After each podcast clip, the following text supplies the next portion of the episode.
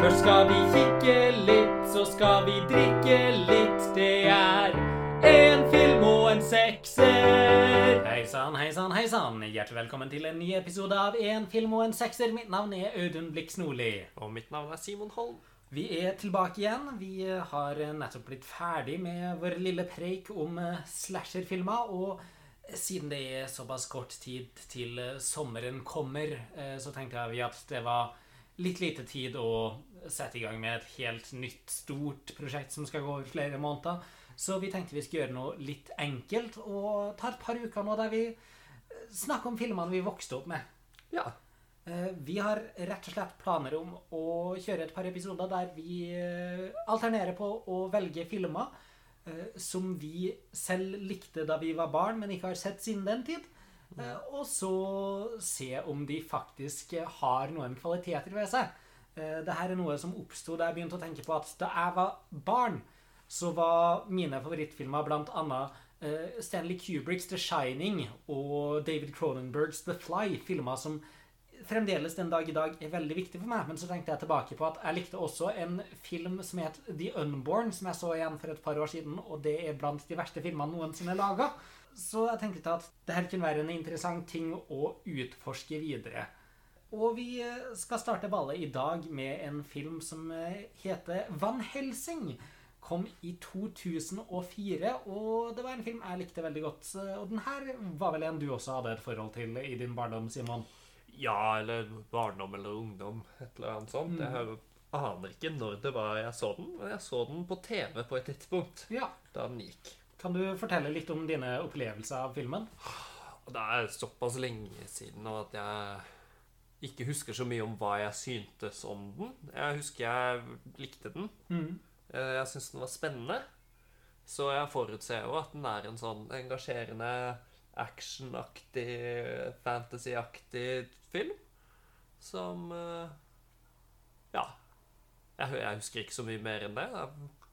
For å si det sånn, så er det en film jeg har tenkt veldig lite på siden jeg så den. Så den gjorde jo ikke noe gigantisk inntrykk. Det gjorde den ikke. Men jeg husker det som en fin opplevelse, og det Ja. Noe mer enn det tror jeg ikke det var. Hva med deg? Nei, Jeg husker jo denne filmen så jeg ganske fort etter at den kom ut på DVD. Eh, Så det var vel da jeg var sånn ni-ti år gammel. Eh, Og jeg husker jo den var jo en litt mer voksen film enn de jeg var vant til å se på den tida. Jeg husker veldig eh, spesifikt at vi fikk besøk av noen familievenner en helg. eh, Og de hadde med seg Van Helsing på DVD.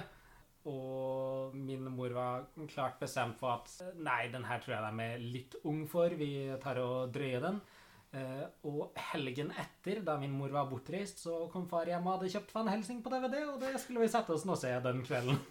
Uh, og den gjorde jo inntrykk på meg allerede. På den tida var jeg jo interessert i klassiske skrekkfilmmonstre, og det var en film jeg likte veldig godt uh, i, i barndommen min.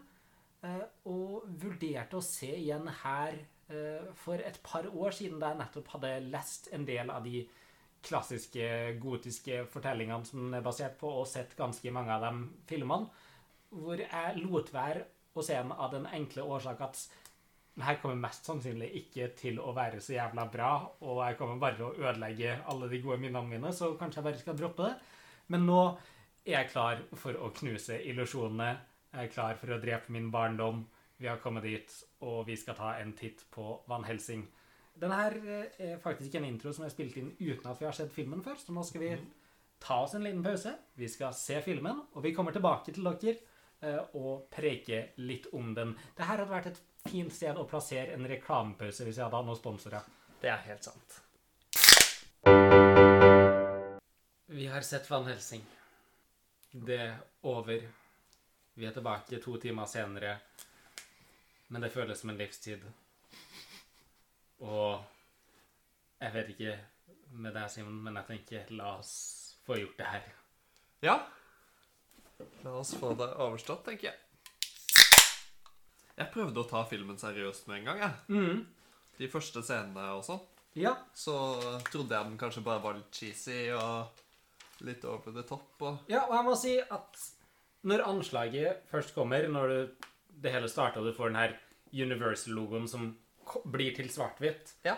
uh, og du først får de her scenene fra Frankensteins slott, så tenker jeg OK, det er campy, men det er campy på måten Universal Monster-filmer fra 30-tallet, da. Ja. Uh, og det, det har en viss sjarm, og jeg tenker at det her skal fungere som en omasj, i hvert fall den her første scenen. ja, ja. ja. Helt definitivt. definitivt. det da er veldig tilgivelig, for at det føles på Det føles veldig likt som eh, som Universal sine monsterfilmer fra 1930-tallet. Eh, så jeg må si at i, den, i anslaget så plaga det meg ikke i det hele tatt. Nei.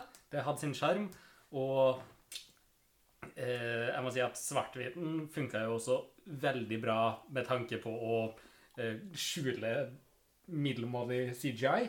Absolutt. Eh, og Richard Roxburgh, som spiller Dracula, gjør en eh, rimelig god eh, Bella Lugosi-imitasjon. Eh, Ja. så jeg må si at eh, i løpet av første scenen så tenkte jeg ok, det her kan bli en OK filmopplevelse. ja, det var det jeg gjorde. Mm. Men så gikk det veldig fort over styr derfra. Ja, med en gang tittelkortet som sier 'One Year Later' kommer, og fargene kommer inn i bildet, eh, og vi faktisk setter i gang denne historien, så, så faller det ganske hardt. Ja, det slutter ganske fort å være mulig å ta filmen på alvor. Mm. For den tar jo ikke seg selv på alvor overhodet. Nei. Det føler jeg den gjør i, den, i det anslaget. Mm. Der er det noe Det er noe. Mm. Den prøver i det minste. Ja. Den har en idé. Ja. Men eh, vi, vi blir introdusert da for Van Helsing, eh, som skal være filmens protagonist, spilt av Hugh Jackman, eh, som ser ut som eh, en miks mellom Batman og en cowboy. Eh, Tror jeg er Pinterest-boardet som skapte denne karakteren. Mm. Eh, Cowman. hæ? Cowman. Ja. Eh, Eller Batboy. Eventuelt.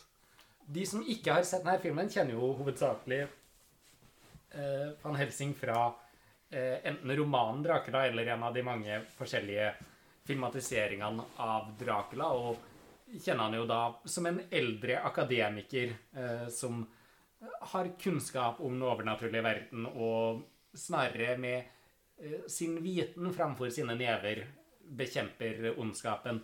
Eh, Men eh, det her er et litt annet narrativ. Ja, det er en veldig annen versjon. Det er jo Hugh Jackman som spiller han, så det i seg selv eh, setter jo visse føringer på hva han kommer til å måtte gjøre. Ja, det her var jo Hugh Jackman veldig tidlig i sin eh, Wolverine-karriere.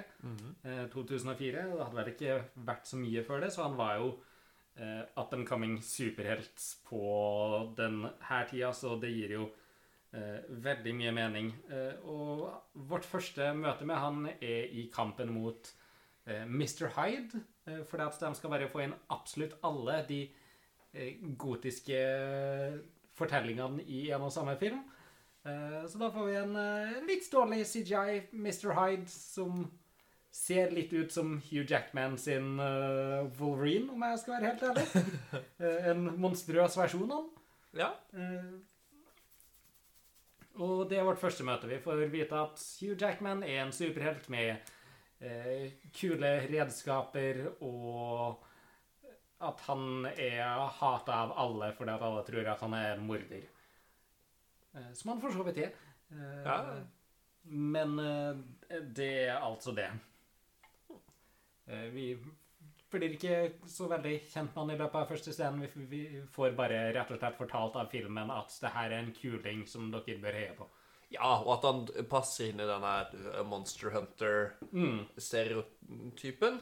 Ja. Han eh, drar på jakt etter farlige monstre, men er så kul og smart og sterk og heldig at han alltid klarer seg. Ja. Og de han slåss med, er monstre, så da er det sånn Hvis de dør og overlever, eh, Mm. hvem bryr seg egentlig? Nøyaktig. Paven bryr seg visst litt, men eh, ikke nok til at han straffer Hugh Jackman nevneverdig her. Nei, eh, for det at Hugh Jackman jobber jo for den katolske kirka. Er fast ansatt der som monsterjeger, og vi blir tatt med inn i Vatikanet. Og til eh, den lille operasjonen de har under bakken der. eh, Og får se hva de faktisk driver med i sin monsterjakt. Og der møter vi også Carl, som er Hva skal man si En katolsk, viktoriansk Q. Ja. Eh, Rett og slett. det her blir veldig fort til et uh, James Bond-narrativ. Ja. Det er basically eh, James Bond i et gotisk univers. Og jeg må også si at den her kardinalen, eller hvem det nå enn er som leder denne operasjonen som uh, Van Helsing snakker med For en grotesk italiensk aksent han har. Ja. Og den blir bare verre i løpet av scenen. Mm. Herre Jesus Krist. Og vi, vi kan jo bare få det altså, ut av veien. Dialektarbeidet i denne filmen er jo jevnt over helt, helt sånn slett. Ja. Det er veldig mye dårlig italiensk, og det er veldig mye dårlig generisk østeuropeisk. Ja. På nivå med klassiske James Bond-filmer. Enda en måte Ja. å linke den her til eh, den franchisen. Mm.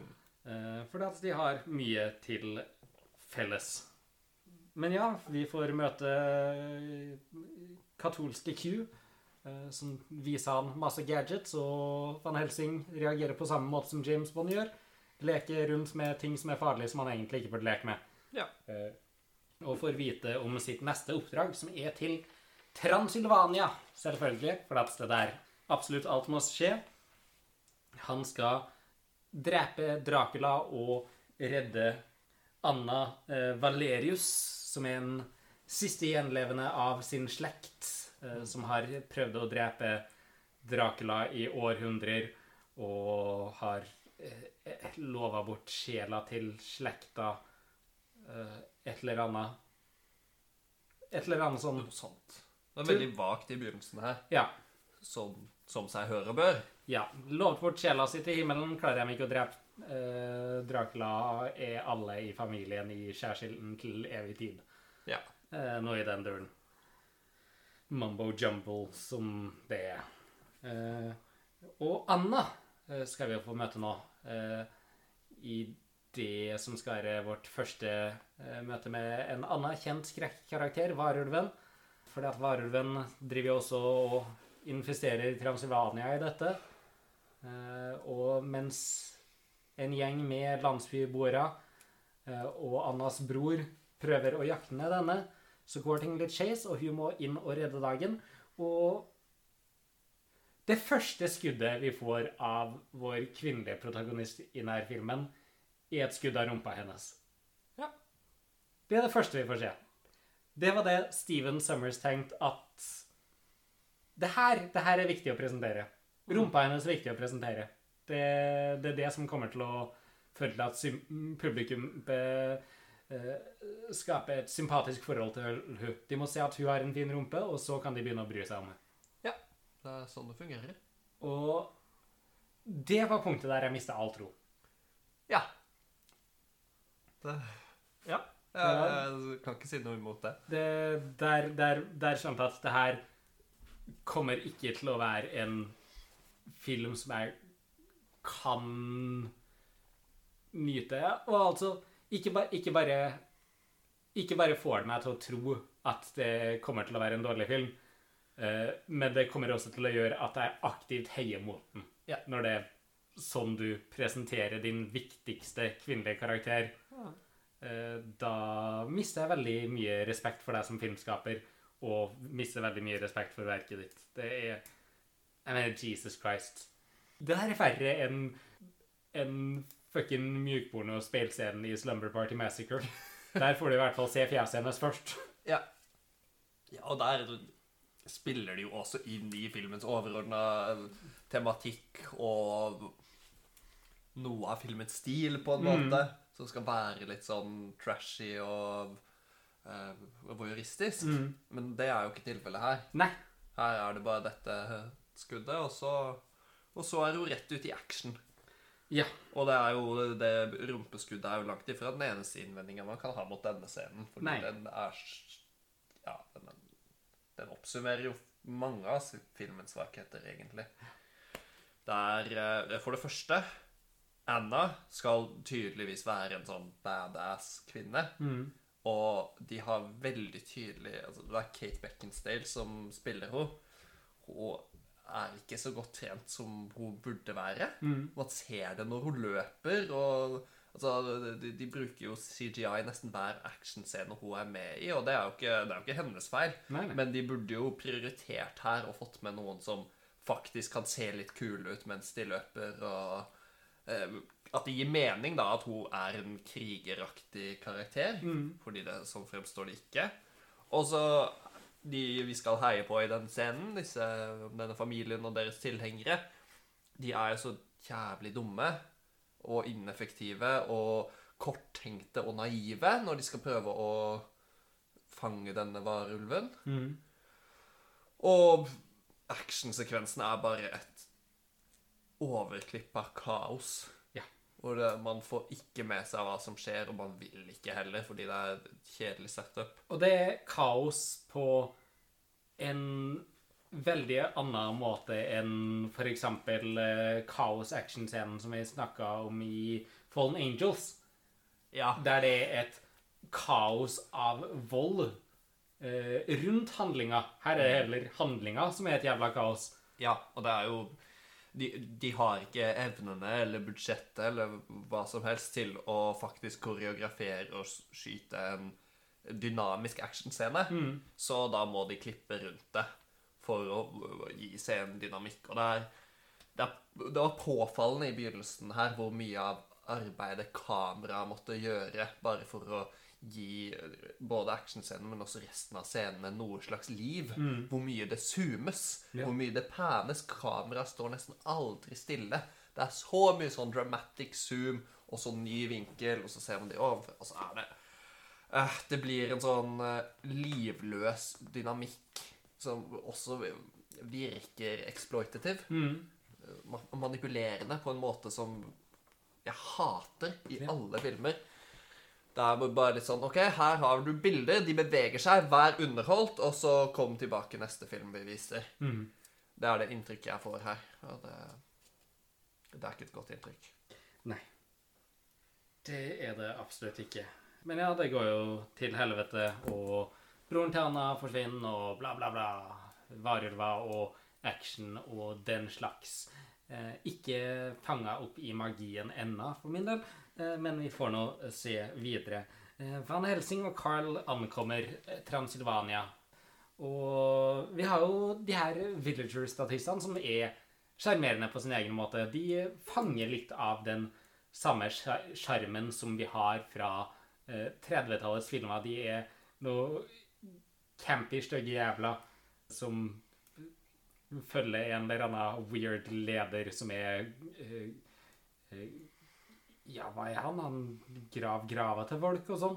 Ja. Uh, og bare en rar og deilig energi i hele gjengen, og veldig blodlystne jævler. Og de kan jeg sette pris på, men de får jo ikke fokus, for at her skal handle om Van Helsing og Anna, selvfølgelig. Og deres første møte, der han er eh, klart bestemt på at han skal redde dagen, og hun er klart bestemt på at hun ikke trenger noe hjelp, eh, før de blir avbrutt av eh, Draculas nydelige bruder, som Altså, jeg vet at mytologien sier at vampyrer kan forvandle seg til flaggermusa, men det her er Jesus Christ, det ser ikke bra ut.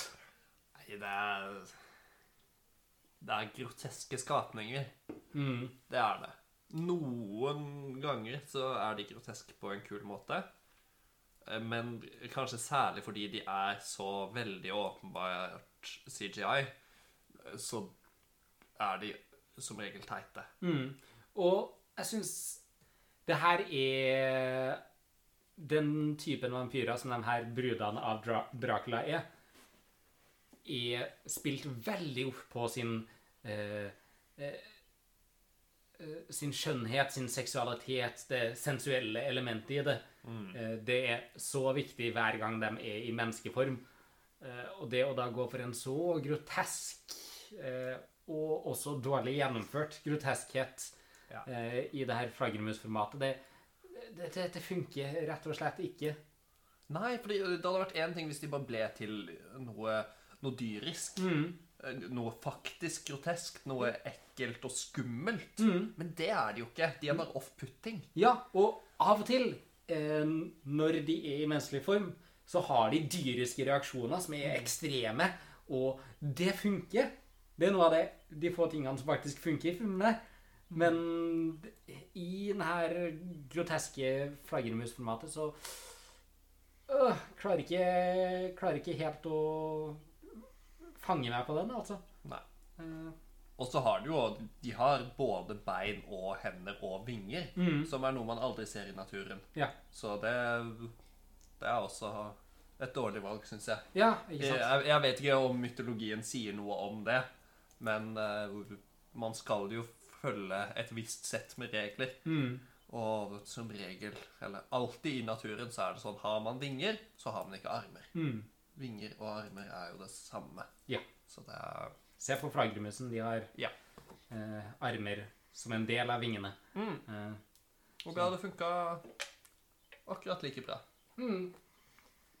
Eller så kunne jeg bare gitt dem en annen måte å fly på. Det, det er en film. Du kan ta kreative valg på den fronten, liksom, og vi kan komme til å tro det så lenge du gjennomfører det på en god måte. Ja, og vi vet jo allerede her at vampyrene i filmen kan basically teleportere. Fordi det har blitt demonstrert opptil flere ganger allerede. Ja. Alltid for å bare overraske eller eh, underholde publikum. Så de kan jo faktisk bare teleportere seg mellom disse stedene. Ja. Antageligvis. Altså, de teleporterer jo ikke. Skal man følge vampyrcannon, så er det vel at de løper ekstremt fort. Ja, ja, men Men da kan de løpe opp vegger. De kan løpe hvor de vil. Og de kan gjøre det på et blunk. Det gjør de aldri. Nei, gjør det Bare la oss se en røyksky som beveger seg mellom ting og ting. Det, det funker like godt, det, og du kan få det til å se mye bedre ut også. Ja. eh, Med de ferdighetene og ressursene som tydeligvis eksisterte på dette settet, så Ja. Og de gjør det av og til også. Og de scenene funker jævlig mye bedre, så Åh, Nei. øh, patetisk, men øh, Ja, de flyr rundt i byen, løfter folk opp og slipper dem ned igjen, og bla, bla, bla. Er generelt menacing og av og til sensuell og Beint over ikke noe jævlig interessant. Nei, og på det der sensualitetspoenget Mm. en- Der denne filmen står i sterk kontrast til uh, Bram Stokers Dracula Mm. av uh, Francis Ford Coppola, så er det jo at den her er Det er en antar jeg PG-13-film eller et eller annet sånt. Nå er det en. Det hadde gjort seg mye bedre hvis de faktisk bare var nakne, eller man i hvert fall Altså, de- var litt mer ja, men at det var noe mer eksplisitt over det. Ja, På hvilken som helst måte, liksom. Ja, for det er det i Coppolas versjon av det, og det fungerer veldig godt. Og de kan bruke altså, De bruker menneskekroppen som et estetisk objekt, og det er noe med fargespillet som blir mye mer det er mye bedre i den filmen, men det gjøres òg mer spennende av at de har denne friheten til å faktisk eh, ikke bygge opp alle kostymene til at man kan, skal vise kløft, men ikke kan vise noe mer. Fordi det blir påfallende her, og det blir Det ser jo sensurert ut Ja, på en måte som Draculas bruder absolutt ikke burde være. nøyaktig. For at de prøver veldig hardt å tenne så mye de har mulighet til, Ja. men de går ikke langt nok, eller de kunne ha tatt seg større friheter. I aller høyeste grad. Ja, Særlig når det er sånne kostymer som basically bare er eh, opprivde. Og så bare helt tilfeldig så har de lagt seg akkurat der de skjuler det, det mest eksplisitte, og ikke noen andre steder. Så det er masse hud, men eh, ingenting som gjør at ratinga går opp. Det, det blir litt kjedelig i lengden. Ja. Det høres veldig ut som at jeg bare har lyst til å se pupper og rumper her, men det Ja, jeg vet ikke hva jeg kan si for å forsvare mot den påstanden. Nei, men det er jo Det er jo på samme måte som vi snakka om Bruce Willis sin penis i, eh, i Pulp Fiction. Det du, du legger merke til arbeidet som er gjort i å skjule ting. Ja. Det føles unaturlig. Eh, hvor hvor hardt de prøver å skjule ting. Mm. Og det, det bryter jo med innlevelsen i filmen. Fordi man, hver gang det skjer, så legger man merke til det. At det der er, det er unaturlig. Det er filmisk, og man skjønner veldig Det er en veldig tydelig grunn bak at det ble gjort akkurat sånn. Ja. Og det er jo distraherende i seg selv. Så ja, jeg står ved det, altså. Ja. Altså, det hadde ikke kommet til å vært en barnefilm uansett, så gå for en R-rating. Ja. Mitt beste tips. Mm, mm. Jeg mener jeg at det ender jo med at eh, Van Helsing skyter en av brudene. Skyter en pil fra sitt mekaniske armbrøst eh, som er dyppa i vidvann for å eh, drepe en av disse brudene, og det funker jo, det. For en dødssekvens som igjen legger seg litt for hardt på en ikke så effektiv CGI. Det er mange filmer fra denne æraen, og også filmer fra i dag, som bør være villige til å bruke litt mer praktiske effekter, fordi at de får det ikke til å funke. Nei. Eh, eh, men, men. Hun er i alle fall død, og de to andre brudene drar tilbake til, eh, til sin, eh, sin mester Dracula. Eh, og, og her får vi en av de store eh, dramatiske scenene i filmen. En av dem jeg huska fra, fra min barndom. Eh, når de kommer for å fortelle at eh, hans brud er død. Eh, og det skal være en så dramatisk scene der de der de kommenterer på hans reaksjon, at han ikke er knust nok, er han helt hjerteløs, og han roper ut at 'ja, det er han'. Og det her er ment å være et av de dramatiske høydepunktene i filmen. Men fy faen, Ja, de, så humoristisk det er. de butcherte jo helt her. For det, det, det ender jo med at han utbryter «Ah, I'm hollow, eller et eller annet. Sånn, og det- det er jo, syns jeg, den aller mest spennende tematiske tråden i enhver vampyrfilm, eller en film om noen som lever evig. Altså, hva, Hvordan blir følelseslivet ditt over så lang tid? Blir du desensitert? Eh, særlig for vampyrer så er det jo noe med det at de er døde.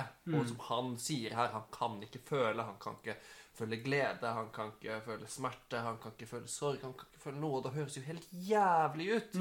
Og det er jo noe som er verdt å undersøke, og noe som eh, filmer som Jim Jarmusch's sin eh, Only Lovers Left Alive undersøker veldig aktivt og i, i dybden, uten at jeg elsker den filmen, så er i hvert fall den delen av det eh, er veldig kult. Det er veldig spennende, det er interessant, og det er en slags ny twist på det, denne vampyrmytosen, som ikke bare handler om at det er en udødelig superhelt. Men de klarer jo ikke ro de i land i det hele tatt. Nei. Det blir så patetisk. Det er Det, det er jo hysterisk. Det er Ja. kjempemorsomt. Men det er mye av denne filmen sitt problem også. Det er ingen dynamikk i spillet i det hele tatt. Absolutt alt til de aller fleste karakterene i denne filmen er helt on top eller over the top til enhver tid. Ja. Det er altfor ekstremt for det aller meste.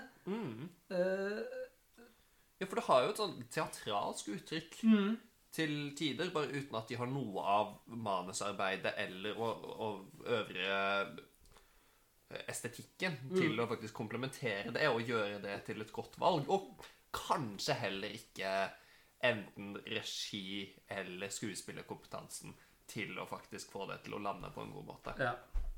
Det er vanskelig å spekulere om eh, hva som er hva, men eh, antakeligvis er det jo litt av alt. Ja. Det funker i alle fall ikke, og det er et gjennomgående eh, Gjennomgående problem i hele filmen er det her skuespillerarbeidet. Mm. Uh, uh, men, men Et av problemene med denne filmen som jeg merker når jeg ser over notatene mine, og vi snakker om det nå, er at det er en film som er laga for å ha så mange store action set pieces som overhodet mulig. Ja. Så det er mye plott, uh, hvorpå det meste av plottet ikke spiller noen rolle, og er helt meningsløst, men er kun laga for å ha store action set pieces. Ja. Uh, og Jesus Christ, det kunne ha vært uh, trimma ned mye fett på den her, altså. Ja, Um, men du får Anna sin bror som kommer tilbake som varulv, og det er en god idé for Ja. varulvtransformasjonsscena her. Uh, at de river av seg huden, og under ligger varulven. Uh, men igjen, uh, CJ-en var ikke bra nok til det på den tida. Eh, det er gjort mye bedre, det her konseptet, i en film som kommer et par år senere, med mye, mye mindre budsjett. Eh, Trick or Treat fra 2007, hvis du har sett den. ja nei. Eh, nei, det er en eh, horrorantologifilm. eh, utrolig sjarmerende. eh, der eh, varetransformasjonene er gjort i form av en striptease. Der de først kler av seg, og så kler av seg huden og er varulver under. Hovedsakelig bruk av praktiske effekter, og det funker satans mye bedre. Jeg skal vise deg den etterpå. Den er dritgøy. Ja. Eh, så bra, bra idé.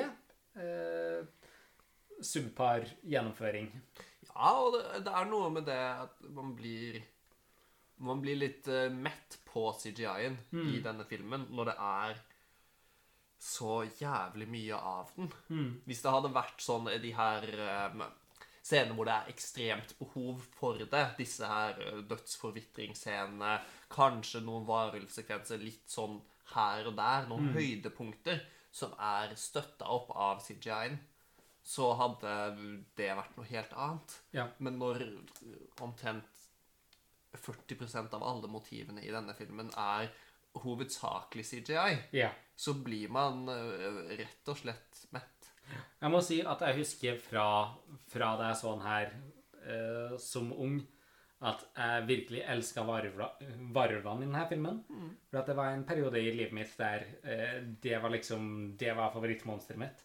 Eh, og det var omtrent samtidig som den tredje Harry Potter-filmen kom ut. Og jeg syns at varulven i den så så patetisk ut. Så det å få en skikkelig stor, kraftig, hårete varulv, det var noe som Noe som virkelig brakte meg glede. Mm. Og jeg syns jo fortsatt at den ser kulere ut enn varulven i Harry Potter. Det gjør den. Mm. Og så kommer den her også eh, subplottet som handler om Draculas barn.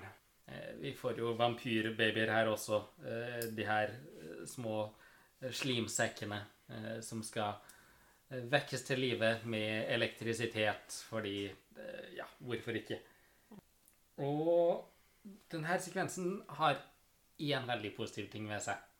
Og det er det faktum at den skjuler hvordan Dracula ser ut eh, i, sin flaggermus, eh, i sitt flaggermusformat. Den bruker skyggespill eh, og holder eh, og holder rett utafor eh, framen, rett utafor vår synsvinkel.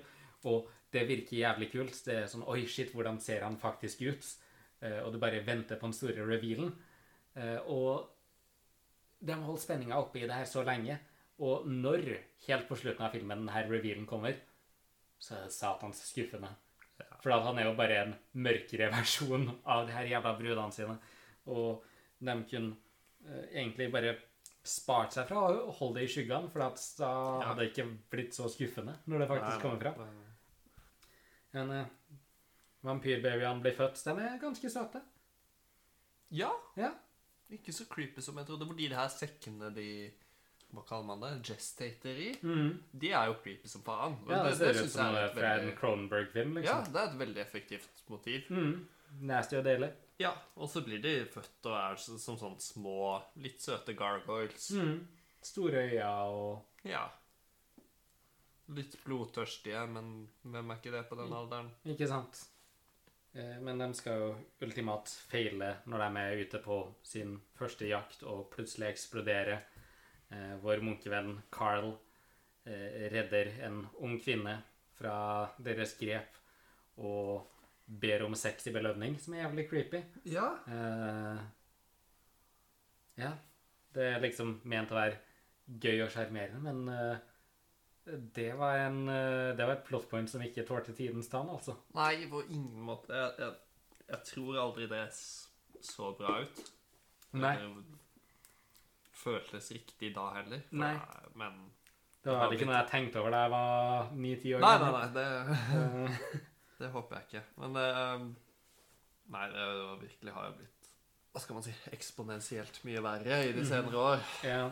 Men det er veldig creepy. Og han blir jo til en fuckboy her òg, på, på en måte. At han forfører henne, eller han redder henne fra døden og er sånn Ja, ja, da kan du i hvert fall ha sex med meg. Da. Og så er han sånn Er ikke du en munk? Og så sier han nei, jeg er ikke helt en munk, så vi kan fortsatt pule, og så går det bra. Mhm. Og så Han lar henne jo bare være etter det. Mm. Det er ikke starten på en sånn romanse, sånn som jeg trodde det skulle være. At selv han kunne finne kjærligheten. Å, nei, nei, nei. Han bare brukte henne den ene gangen som belønning, og så lar hun henne være. Ja. Eh, Jeg vet ikke hva du tenker, men eh, jeg har behov for mer øl hvis jeg skal fortsette å snakke om denne filmen. Ja, jeg òg. Hva videre skjer, egentlig? Eh, Van Helsing og Anna får møte Frankensteins monster. eh, Som ble så vidt introdusert i anslaget i filmen og er presumed død der. Og så kommer tilbake en drøy time senere. Eh, Han er også et eksempel på det å være over the top hele tida. Han har ikke en eneste linje med dialog som ikke er ropt.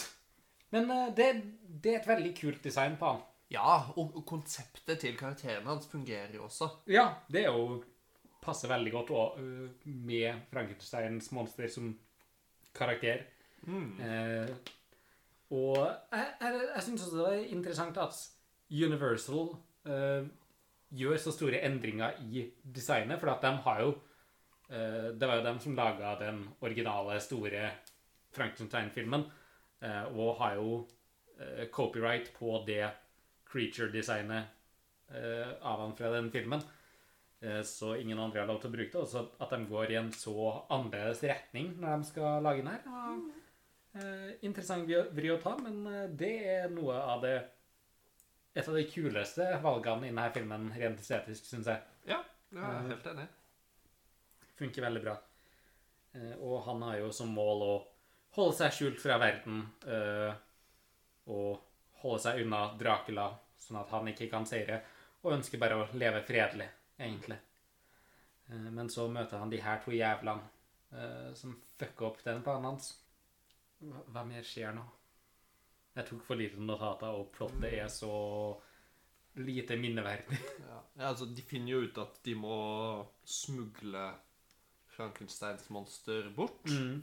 og vekk, tilbake til Roma, fordi det, det er bare der de kan få gjort noe. Yeah, I guess. Jeg jeg husker ikke helt hva rasjonalen er her, men det er i hvert fall sånn Ok, la oss bare komme oss til Roma. Så sier Anna noe sånt som at ingenting er raskere enn transilvanske transylvanske hester, så ikke engang en varulv kan ta dere igjen. Ja. Og hva skjer med en gang? De blir Var- tatt igjen av både vampyrer og varulver. Ja. Ja. Eh, Men etter altså, Og det har vært en tidligere av det her slaget, men en sånn fantastisk klein, altfor lang, kjedelig scora, patetisk reisesekvens. Ja. For det var det samme da van Helsing skulle dra til Transylvania. Det tok så lang tid, og så er det en sånn uh, musikk som er henta rett fra en sånn fitnessvideo fra 70-tallet. Veldig sånn fengende, underholdende Helt jævlig stygg musikk, egentlig. Ja. Og så her kommer til og med kartet inn i spill, og man ser, man ser på kartet hvor de er, og så crosscuttes det med at de faktisk reiser, og så varer de sånn to minutter, og det her. Og, og, og, og også om den Nå går jeg litt tilbake. Om den reisescenen tidligere i filmen. Jernbanen eksisterer på det punktet. Ja. Hvorfor er det så jævla mye båt og hest når de har fucking jernbanen? Det her skjer på midten av 1870-tallet, liksom. Det har eksistert. Det var en greie.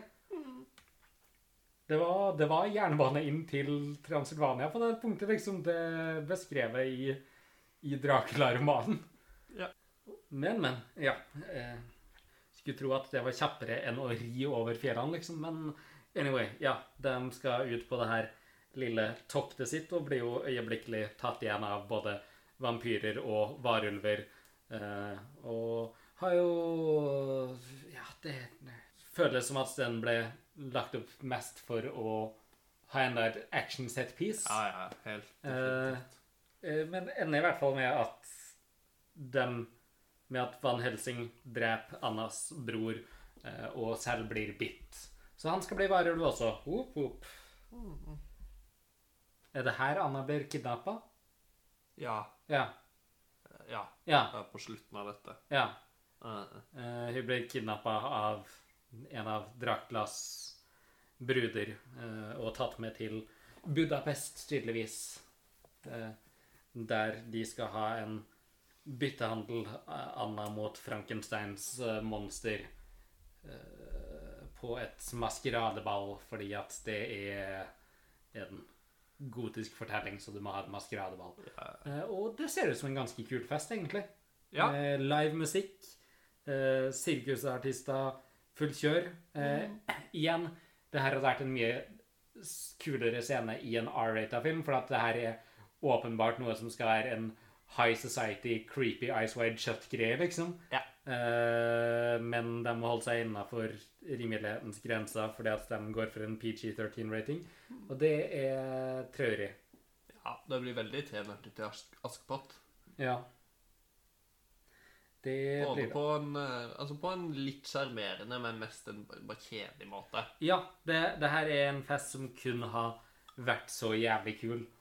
Og måten Dracula også flørter eh, basically med Anna i denne sekvensen, eh, er Det har et utgangspunkt som det aldri klarer å oppfylle, fordi at de må holde seg innenfor rimelighetens grenser, men det er så mye kløft og nesten eh, Nesten seksualitet i det her. Men de må holde tilbake. Og faen, ass, hvis de bare hadde turt å gjøre litt, vært litt modig, så kunne det i hvert fall vært en gøy film å snakke om. Ja, for altså, er det noen som gir faen i age-rating, og som lever et R-rata liv, så må jo være Dracula. Han mm. gir faen i menneskets normer og regler og skam. Så han må jo Altså, hvorfor har han noensinne på seg klær?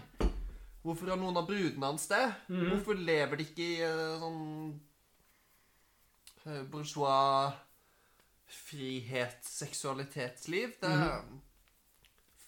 Oppfyll alle de her klisjeene av overklassefolk som kjeder seg, fordi det er jo det vampyrer er. De er overklasse, de har all makt, og så lever de evig. Tenk så mye tid de har på å kjede seg. Hvordan fyller de den tiden hvis de aldri engang er nakne? Nei. Uh, helt patetisk. Uh, du får jo det her skuddet foran speilet der han og Anna danser, og jeg vet at vampyrer ikke kan ses i et speil, eh, og du vil ha det med, men Jesus Christ, du trenger ikke å bruke to minutter på det. Nei, og det er jo veldig sjuhårende. det, er- det har jo ikke Det har ikke noen noen funksjon i narrativet. Nei, det har ikke det. Altså, du har jo den scenen i både Dracula-romanen og eh, Francis Ford Coppolas filmatisering, og i flere andre filmatiseringer også, men der gir det litt mer mening. Der Ja. er det en del av narrativet. Du, det, for det første så slenges det ikke inn som en ettertanke en og en halv time inn i filmen. Eh, det presenteres tidlig som et element, eh, og det legges mer inn der for å gi deg hint om at det er noe weird med denne Dracula-karakteren. Ja. Eh, annet enn å bare presentere Oi, shit. Eh, I tillegg til det du vet om meg, at jeg er en vampyr, og at jeg lever evig og drikker blod og sånn, uh, så, så kan du heller ikke se meg i speilet. Bare, bare så du vet det, liksom. Altså, Og det er jo i hvert fall tre gyldige måter å rettferdiggjøre denne scenen på. Og det er enten gjør den kul, Mhm. eller gjør den relevant, eller gjør den kort. Ja. Og de klarer ingen av de. Nei. Så det er meget skuffende. Mm. Og det er jo mye estetisk man kan gjøre med noen som eh, er aleine, men ikke aleine, i et speil. Ja, eh, for dette her er jo et ball. Det er jo mye kult som kan gjøres dansemessig der for å få det til å se Ja. jævlig fett ut. Men det ser bare ut som noen som kleint danser alene og later som at de har en partner. ja. Få i hvert fall til å fly litt, eller Ja. bare gjør noe. Et eller annet. Men nei, det, det unnlot dem. Faen ta denne filmen, altså. Og det viser seg jo at dette er en fest når eh, Van Helsing og Carl og Frankensteins monster kommer fram, så viser det seg jo at det er en fest med bare vampyrer. Eh, Det er jo Dracula og hans undersåtter på hans sommerpalass, er det det han kaller det? Ja. Eh, ok. uh, og du får enda en massiv action setpiece, eh, og Van Helsing klarer å redde Anna, men de taper Frankensteins monster, selvfølgelig. Og ja, drar tilbake til Transylvania, fordi det er der det skjer, tydeligvis. Ja. Det er så mye bare fram og tilbake i denne filmen. Mm. Det er bare dra til location, actionsekvens, dra til location, actionsekvens, dra til location, actionsekvens. Jesus Christ. Ha et narrativ som er fengende, ikke bare gi meg lokasjoner og action. Mm. Men, men, den drar tilbake til Transylva Transylvania og eh, leter etter inngangen til Draculas slott. Oh, hvor er det? det? Han ble bannlyst et eller annet sted. For dette viser seg også at selvfølgelig at Dracula er en av forfedrene til Anna. Ja. De er slektninger på et eller annet vis. Eh, fordi hvorfor ikke bare slenge inn det? Samtidig som det er det her subplottet med at Dracula hele tida kaller eh, van Helsing for Gabriel. Eh, som jo gir oss konnotasjoner til eh, engelen Gabriel, og spesielt med tanke på at han også refereres til eh, som God's left hand man. Eh, og da tenker du at OK, så det her er en fight mellom engelen Gabriel og Dracula er da kanskje en antikrist eller Lucifer, en annen engel som ble til Satan. ja. Eller i hvert fall Satans venstre hånd. eller Ja, et eller annet i den døren. Eh, men det utforskes ikke noe nærmere. Han er bare en eh, tidligere slektning av Eller en, ja, en slektning av en av Anna sine forfedre som tydeligvis ble drept av Van Helsing en gang på 1400-tallet. Uten at det utforskes noe mer. Uten at de legger noe mer inn i det. De, det er så mange Jeg er ikke imot at filmer ikke besvarer alle spørsmålene de stiller. Det har jeg ikke noe imot. Men denne er en film som bare slenger ut tråder konstant og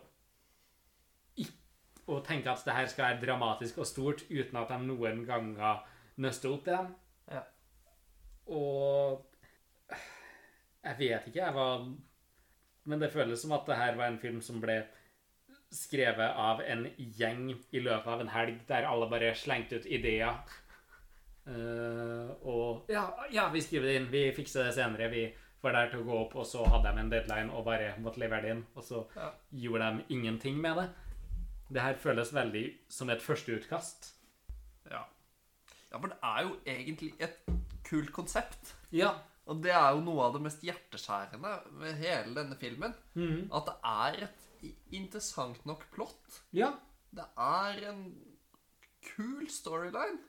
Det, er, det, det, er, det spiller på dette mytiske, på det gotiske, på, på velkjente tradisjoner. Mm. Og bare interessante skjebner og forhold mellom karakterer. Ja, ha med mange av de viktigste horrorkarakterene i historien, liksom, og du kan gjøre så jævla mye med det her. Ja, og så gjør de ingenting. De, de prøver å gjøre alt og ender opp med å gjøre ingenting. Ja. Eh, men ja, de er tilbake på det her jævla slottet, og så eh, oh, hvordan skal vi komme oss inn dit? Jo, vet du hva? Det var det her kartet eh, som vi så i den første scenen. Men vet du hva? Hvis vi skyver vekk det her møbelet som står i veien, så ser vi at en del som, en, som eh, mangler fra kartet, som du har i lomma di, ikke sant? Så da kan vi bare slenge inn den. Og så O, portal til Draculas slott. Eh, og Ja. Veldig beleilig. Ja. Men, men, men. De kommer seg inn til det her isslottet i snøens land. Eh, jeg vet da faen. Eh, det er vel her de også prøver å forklare at grunnen til at Ja, når det her siste delen av det her kartet er lagt inn, og de sier det som står på latin, så er det et speil som de går gjennom, og de prøver vel å insinuere at Dracula ikke har noe speilbilde fordi at han gikk gjennom det her speilet. Ja, kanskje det er det de prøver å si? Ja, Det, det føles litt sånn. ja et, de prøver i hvert fall å opprette en slags sånn korrelasjon der. Ja, For så, å rettferdiggjøre at de brukte to og et halvt minutt på å poengtere at han ikke har noe speilbilde tidligere. mm, så Men da det får man anta at når de her kommer tilbake til den virkelige verden Eller det her er jo en del av den virkelige verden, for at Dracula, brudene hennes Brudene hans flyr jo mellom der slottet hans og resten av verden, så det er jo Det er jo ikke langt fra Transylvania, liksom. Uh, det- herregud. De skulle ha laga et andre, andre utkast av det her manuset, ass. Jesus Christ. Det her vinterslottet, som er jævlig langt fra alt annet, fordi at det er snø der og tydelig sommer, eh, eller i det minste veldig tidlig høst i Transylvania, men som fortsatt er nære nok til at de kan fly mellom alle viktige lokasjoner. Det er der vi er nå, og det er, skal være fullmåne i natt, så Van Helsing kommer til å bli en varulv, og de må finne varulvkuren som Dracula har på kontoret sitt, samtidig som de må bekjempe han og redde Frankensteins monster fordi at han skal være måten Dracula sine barn kan overleve på. Ja. Og med det så starter en endeløst og elaborate og det må vel være lov å si rett og slett kjedelig final showdown. Ja! Altfor kompleks, altfor mange spinnende deler på en gang. Ja, det er for mange plot points som kuttes mellom. Eh, jeg syns de gjerne kunne bare ha valgt én ting og fokusert på det, og gjør det bra. Ja. Men nei. Uh, og den store final showdown her skal jo være liksom Van Helsing sin episke kamp mot Dracula. Og alt i alt så tror jeg den varer i et halvminutt. ja. Eh, Sånn hvis du faktisk ser på det. For ellers er det jo bare kutting mellom eh, diverse ting. Eh, Fucking Carl og Anna går opp til kontoret for å finne den her motgiften der de blir angrepet av Draktas siste gjenlevende brud, som Anna eh, dreper til slutt, tror jeg. Ja. Eh, Van Helsing redder Frankensteins monster. Carl løp av gårde mot denne motgiften Nei, med denne varulvmotgiften og eh, redder Frankensteins monster igjen.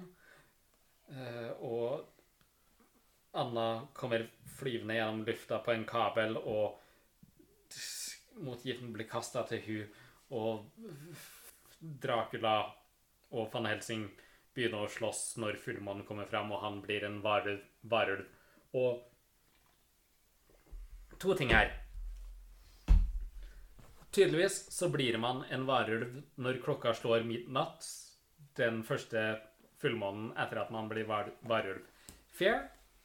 Eh, man må også få motgiften innen det tolvte slaget er slått etter midnatt. Også fair. Det som ikke er fair, er at sånn jeg er vant til at klokka slår, så går det ganske kjapt, de slagene. Sånn er det ikke i denne filmen. Nei, og filmen gir jo full faen. Fordi man hører dette første slaget, og så hører man bare aldri noe mer. Nei. Så ifølge filmen så er det sånn to minutter minst mellom hvert slag. Kanskje den bare slår sånn gjennom hele timen? Jeg vet ikke. Jeg har ingen anelse, men det her Hvis de hadde lagt inn de ekstra slagene, liksom OK, sånn To ting. For det første Du blir en varulv når fullmånen kommer frem. Det her har ikke noe med klokka å gjøre. Sånn. Men OK, fair. Men i hvert fall la oss høre slagene. Hvis vi hører slagene, så blir det spenning i scenen. Ja, det er jo gratis suspens! Ja! Men de velger å bare droppe det. Og, og det er jo rett og slett fordi at en klokkes slag, det kommer ding, ding, ding, ding. Og siden de ikke klarte å rettferdiggjøre hvorfor de ikke skulle ha det sånn, så bare dropper de å ha de resterende slagene. Nei. Uh, men fuck it. Van Helsing biter Dracula, og han dør. Eh, han går fra den dårlige flaggermusformen sin til seg selv og til støv, Ja. I guess. Etter å ha beretta om noe sånn greier at vi kan slå oss sammen og kjempe mot hele verden, og bare du og jeg, van Helsing, Du og med Gabriel. Ja. ja. og begynne å skal fortelle om den forhistorien de har sammen, det som har blitt tisa så lenge, og så bare sånn Nei, vi, vi gidder ikke å snakke om det allikevel. Det er ikke noe spennende. Så nei. Eh, men ja, Dracula dør, og Anna hopper opp med motgiften og stabber han, men han dreper hun mens hun forsøker på det. Og hun er død, og han eh, utbryter et siste ul som barulv, som blir til klunkende hyling eh, når han blir til menneske igjen. Og det her kunne ha vært veldig hjerteskjærende og rørende hvis vi hadde brydd oss. Ja. Det her, det her Hvis filmen hadde vært bedre, så hadde det her, her vært veldig effektivt. Og jeg, jeg må si at jeg er en veldig stor fan av valget å la henne dø. Fordi jeg tenkte på det underveis, at dette narrativet blir bare noenlunde fullendt hvis de faktisk gidder å drepe henne. Og det trodde jeg ikke de kom til å gjøre. Særlig siden de legger opp til en sånn romanse mellom Anna og van Helsing. Så eh, jeg, jeg satte pris på at de faktisk gjorde det. Ja. De drepte henne, for da blir det en sånn En slags symmetri og en rettferdiggjøring for at så mye av hennes poeng er at familien hennes skal få et liv etter døden som faktisk er verdt noe. Og at hun også går direkte inn i det livet, syns jeg er litt pent. Det Ja. er litt vakkert. Det er litt hyggelig, Også Det, det setter jeg veldig stor pris på. Men den scenen har ikke den emosjonelle effekten Nei. de intenderer. Ikke i det hele tatt. Og det valget om å drepe henne og la henne gå inn i the afterlife, blir jo så jævlig mye verre av måten de velger å til slutt signalisere oh, dette ja. på. Uh, uff. Fordi jeg tenkte, jeg tenkte faktisk også på det underveis, at de trenger jo i hvert fall ikke vise det.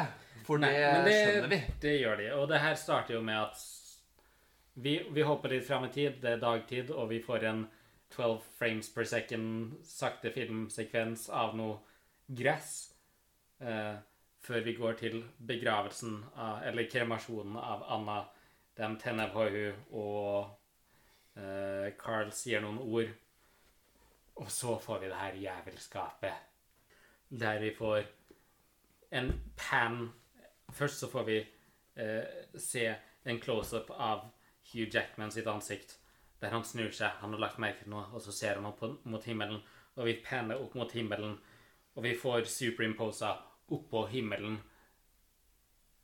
Anna, som er med hele familien sin, og hun feller en tåre, og hun smiler til Van Helsing, og fy fucking faen. Åh, la noen ting være subtekst. Jeg huska denne sekvensen, men jeg fortalte meg selv gjennom hele filmen at det her er noe jeg må ha funnet på i ettertid. Det er noe jeg bare må ha sett for meg. Det kan ikke være så teit. De kan ikke ha gjort noe så jævla teit som det der, men faen, de gjør det. Det, det er jo et tosidig problem her. Den scenen skrevet ned på papiret er jo helt jævlig.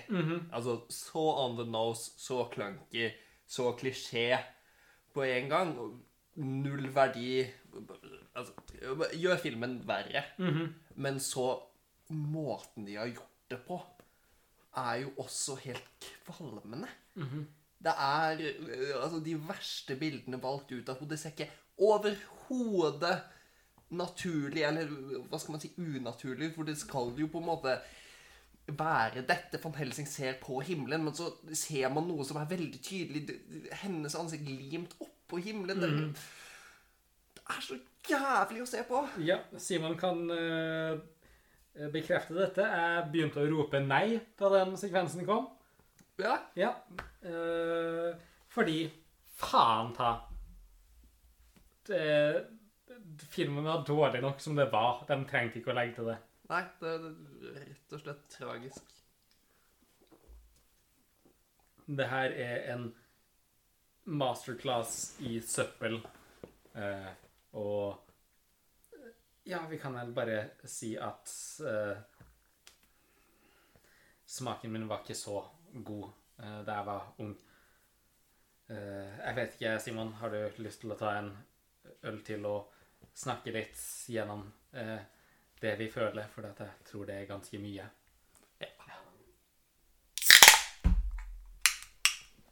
Det var Van Helsing. Simon Tanker. Jeg er egentlig mest spent på å høre deg si litt om hva du syns den, om denne filmen, sammenligna med hva du syntes første gang du så den. eh, eller så kan jeg begynne med det. Det- Du, du kan starte. Jeg må roe med deg litt. Ja, eh, for jeg merka tidlig at den første scenen hadde egentlig festa seg best av alt. Det anslaget med Frankensteins monster. Men jeg var veldig usikker på om det egentlig var denne filmen. Ja. Fordi det var jo Van Helsing. Det var, hadde jo ikke egentlig noe med Frankenstein å gjøre. Og jeg huska ikke så mye av eh, plottets eh, intricacies. Så den hadde festa seg, og den her siste sekvensen hvor de skal opp i tårnet og vinne over Dracula og alt sånt, det satt igjen. Og jeg husker jo dette som kjempespennende. Og så ser jeg det igjen, og så er det jo ikke det.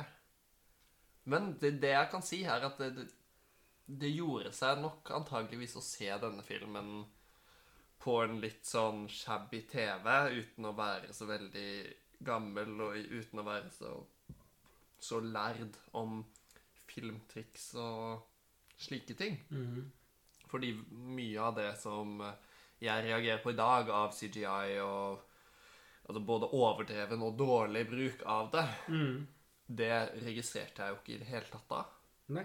Da var det bare en større aksept for det. Det var bare sånn det var, og jeg gikk med på det. Ja. Jeg savner litt den innstillinga, men jeg tror ikke det er noen måte å gå tilbake dit. Nei, men jeg tror jo Jeg føler at både du og jeg er ganske kjapt til å unnskylde dårlig bruk av CGI hvis filmen er bra. Ja. Hvis du har en, et bra manus og en bra regissør og et bra plott, så er det ikke så ille. Sånn, for eksempel ta en film som Mama, som har elendig CGI, og bruker det altfor mye i de siste 20 minuttene av filmen, så plager ikke det meg så mye fordi at det er en effektiv skrekkfilm, liksom.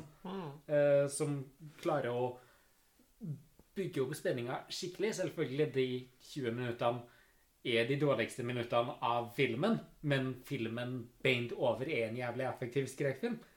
Så da går det liksom fint. Men her er jo problemet at filmen i helhet ikke eh, eh, rettferdiggjør den dårlige CGI-en. Nei, den gjør ikke det. I det hele tatt. Det er jo også noe med at selve CGI-arbeidet er eh, av varierende kvalitet. Hvor, hvor ekte de får det til å se ut. Hvor godt de integrerer dette i filmuniverset. Det er noe av det vanskeligste, og noe av det de ikke alltid lykkes så godt med. Men Og den, den CGI-en som brukes på landskap og sånn, den funker ganske Ja fint. da. Det er mye, det er mye åpenbart CGI på landskap og arkitektur Mm. som ikke er plagsomt i det hele tatt. Nei, nei. Men det er mye CGI som er brukt der de skulle ha brukt praktiske effekter. Ja, og mye CGI som er dårlig designa. Mm. At det ser ikke ekte ut, men det er ikke noe problem. Problemet er at det ser ikke bra ut. Mm. Og da blir det utilgivelig å bruke CGI. Ja. Fordi enten Det må være i hvert fall en av de to, helst begge deler. At Ja. det ser både ekte og bra ut. Men hvis det ikke gjør noen av delene, så bare kutt scenen. Mhm. Eller eh, du bruker noe skyggespill eller et eller annet sånn En sånn cop-out som, Sånn som de, gjør gjør- av og til. Sånn som de gjør med Dracula i fa- i flaggermusform tidlig i filmen. Mm. De kunne ha brukt det så mye mere. Ja.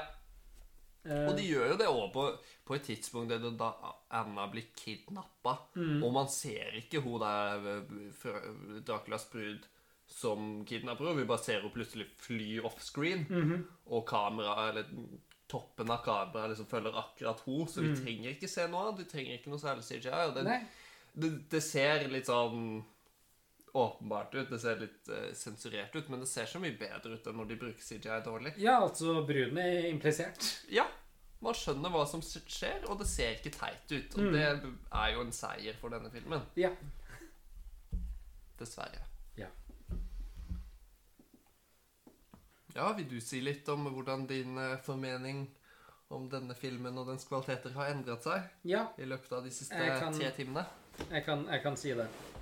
Jeg så jo på det her da jeg var barn, eh, som en et fantastisk actioneventyr eh, laga eh, rundt noen av historiens eh, beste monsterkarakterer. Og det er jo det de har prøvd å gjøre. Det de har gjort, er å lage et veldig løst plott bygd rundt store actionsekvenser med over the top skuespillerarbeid og lite overbevisende spesialeffekter. Det de har gjort, er å prøvd å gjøre ting sjarmerende og morsomt og lekent uh, uten å få det til. Alt som skal være morsomt i denne filmen, blir teit, og alt som skal være skummelt og spennende, blir morsomt. Og den har en campy verdi. Uh, det her er jo en film som kan eh, sies å eh, falle innafor Innafor rammene til naiv camp, men den klarer ikke å gjøre det på en god måte. Sånn som filmer som f.eks. The Room. Det er en god variant av naiv camp. Det er ikke det her, fordi at den prøver for hardt å være morsom uten å få det til. Jeg er lei meg for at, at, at, at det her er en dårlig film. Men jeg, jeg er glad for at jeg så den igjen, for jeg, var, jeg var helt sikker på at det her kom til å være dårlig. Jeg var det. Mm, Men jeg måtte, jeg måtte bli sikker. Jeg måtte se den igjen. Eh, Jeg må si at anslaget det var noe av det jeg huska minst av. Jeg huska at det var en greie, men jeg huska ikke så mye av det. Og det var absolutt den sterkeste delen av filmen. Ja, definitivt. Hvis de hadde liksom holdt på den energien, og i stedet for å prøve å gjøre det her til en superhelts-James Bond-film, eh, bare prøvd mer og hardere på den her omasjen til de klassiske monsterfilmene, så hadde det funka. Ja, og til tysk ekspresjonisme og Ja. Og jeg, jeg, pakka. jeg tror også et av problemene i denne Van Helsing-karakteren også Jeg liker på ingen måte det. Det hadde vært mye mer interessant å se en karakter sånn som Van Helsing, som han er i de fleste Dracula-gjenfortellingene. Se for deg eh, Van Helsing fra Bram Stokers Dracula. Mm. Ikke sant? Se for deg Anthony Hopkins går rundt og skal kjempe denne kampen, yeah. og heller gjør det her til en film om en litt eldre akademiker som skal gå rundt og bekjempe ondskap. Det, hadde vært, det kunne vært en interessant film. Ja, og en menneskelig karakter som ikke er en superhelt, og som ikke egentlig finner man ut av etter hvert er 400 eller pluss år gammel selv. Altså, ha det, gjør det til et menneske. Ja. Og Og ikke gjør han så jævlig quippy. Vær så snill. Altså, det, det er jo Mitt hat for quippy karakterer har jo blitt forsterka av f.eks. Marvel-filmene. og James er- Bond, ikke det- minst. Ja, ja, det, absolutt, men Marvel-filmene er jo mer Altså, James Bond har noen quips per film, men Marvel-filmene har jo enkelte karakterer som er quippy i hver replikk. Og det er litt sånn Van Helsing er her, særlig i begynnelsen, men også utover. Alt han sier, er en sånn clever, quirky kommentar på et eller annet noen andre har sagt eller gjort. Og ingenting av det er morsomt. Nei. Ingenting av det er godt skrevet. Ingenting av det er en kul kommentar. Åh, det er så forferdelig å være vitne til.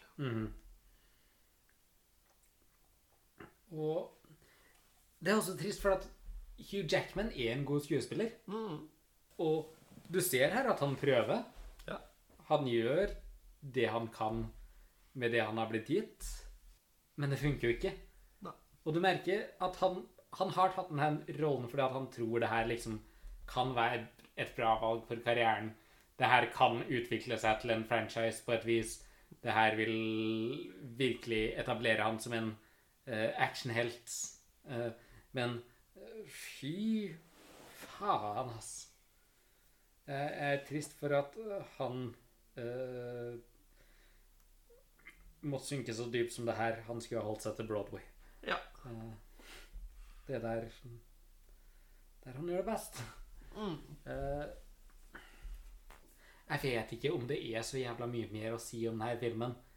Det er vel bare en kommentar på at Det, det jeg tror det her har lært meg, når jeg ser på det i sammenheng med det konseptet vi har begitt oss ut på nå, eh, i at ja, jeg likte en del gode filmer da jeg var kid.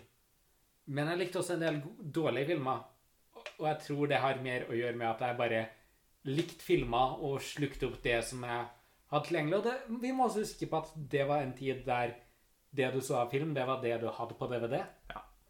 Du, du hadde et begrensa utvalg. Du hadde